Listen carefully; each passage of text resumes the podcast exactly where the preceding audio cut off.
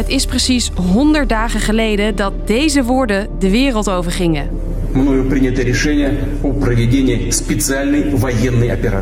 Iets wat niemand verwachtte, gebeurde toch. Rusland valt buurland Oekraïne binnen. Gevolg: tienduizenden doden, tientallen verwoeste steden en ruim 14 miljoen vluchtelingen binnen en buiten Oekraïne. En ook stijgende prijzen wereldwijd. Een boycott van Russische olie, stijgende gasprijzen. Iedere keer is het weer duurder. Meer landen die lid worden van de NAVO, defensiebudgetten die in allerlei landen worden verhoogd. En de oorlog is nog niet voorbij.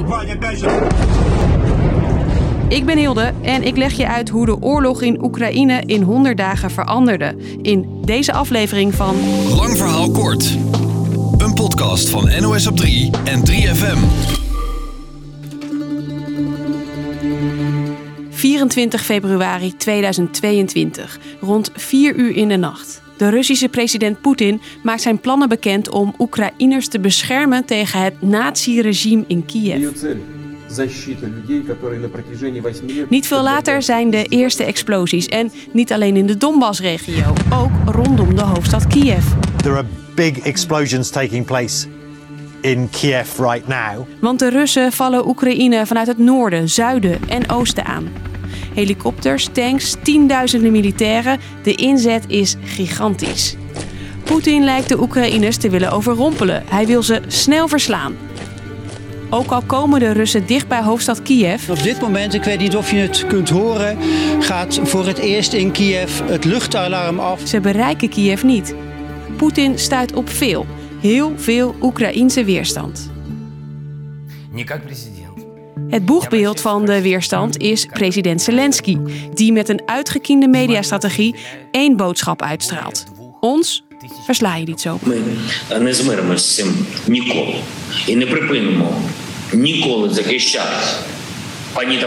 Meer over Zelensky en hoe hij het land door de oorlog loodst hoor je in aflevering 262. Vanavond kunt u helpen, want daar is geld En nodig. de hele wereld steunt hem met inzamelingsacties 106 miljoen 200.773 euro. Dit is volgens mij historisch. en landen geven massaal geld en wapens aan Oekraïne. Alleen al Amerika stuurde voor 20 miljard euro aan militaire spullen. We're sending it directly to the front lines of freedom. Maar zelf meevechten doet de NAVO niet. Uit de angst dat als het westerse bondgenootschap zich erin mengt, er een nog groter conflict ontstaat. Oekraïne leidt grote verliezen. Beelden van de Russische aanval op een kinderziekenhuis gaan de hele wereld over. En bij de strijd om de stad Mariupol vallen duizenden doden. Andere landen beschuldigen Rusland nu van oorlogsmisdaden. En het snelle overwinningsplan van Poetin? Dat mislukt. Een aantal van de belangrijkste steden slaan de aanval af. Ze zien dat ze hun doelstellingen met betrekking tot Kiev en richting Odessa eigenlijk helemaal niet kunnen bereiken. Dat ze grote moeite hebben om verder door te stoten dan Kharkiv. Dat ze grote moeite hebben met Mariupol. En dus, zegt deze defensie-expert, komt Poetin met een nieuw plan. Hij wil geen grote delen van Oekraïne meer, maar Ik denk dat ze een soort van reconsolideren en zich eh, concentreren op de Donbass. De ogen zijn nu gericht op de oostelijke regio, de Donbass. Dat Poetin zeker ziet als het verloren deel van Rusland. Hij zou natuurlijk liever de controle over heel Oekraïne hebben, maar ik denk dat hij hier zelf genoegen mee kan nemen, want dan bereikt hij een paar doelen. Hij kan aan zijn bevolking uitleggen: ik heb een deel van het Russisch sprekende gedeelte van Oekraïne zogenaamd bevrijd. En hij heeft Oekraïne behoorlijk verzwakt. Je hoorde Ruslandkenner Bob Deen. Hij verwacht niet dat Zelensky genoegen neemt met een Russische Donbass-regio. Sterker nog, Zelensky wil de Russen terugdringen tot waar ze voor de inval op 24 februari stonden.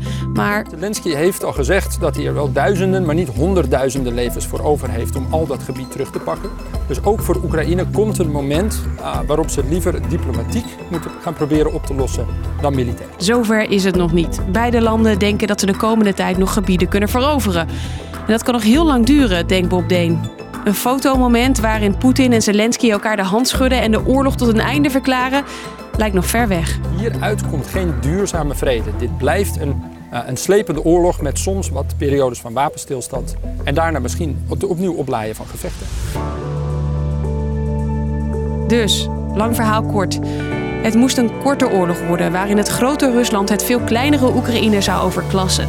Maar honderd dagen later vechten de twee nog steeds om het lot van Oekraïne. En lijkt vrede nog lang niet in zicht. Dat was hem voor nu. Maandag praten we je weer bij in een nieuwe Lang Verhaal Kort. 3FM Podcast. Hey, hallo, jij daar. Neem een paar seconden rust en let op je ademhaling. Dan gebruik ik even de tijd om je te vertellen dat de Zelfhulp Boekenclub terug is. En dat we iedere aflevering in therapie gaan. En deze week gaan we onder kwantumhypnose met actrice en finalist van Expeditie Robinson 2021, Anouk Maas. Mijn gezicht begon alle kanten op te trekken. Gewoon een soort, Oh, soort, soort, soort, Nee, hou op. Ja. Ik zag heel veel zand. Ik denk, ik zit in Quentin Tarantino film. Eindelijk. Een therapie voor je oren dus. Luister nu de Zelfhulp Boekenclub in de 3FM-app of op jouw favoriete podcastplatform.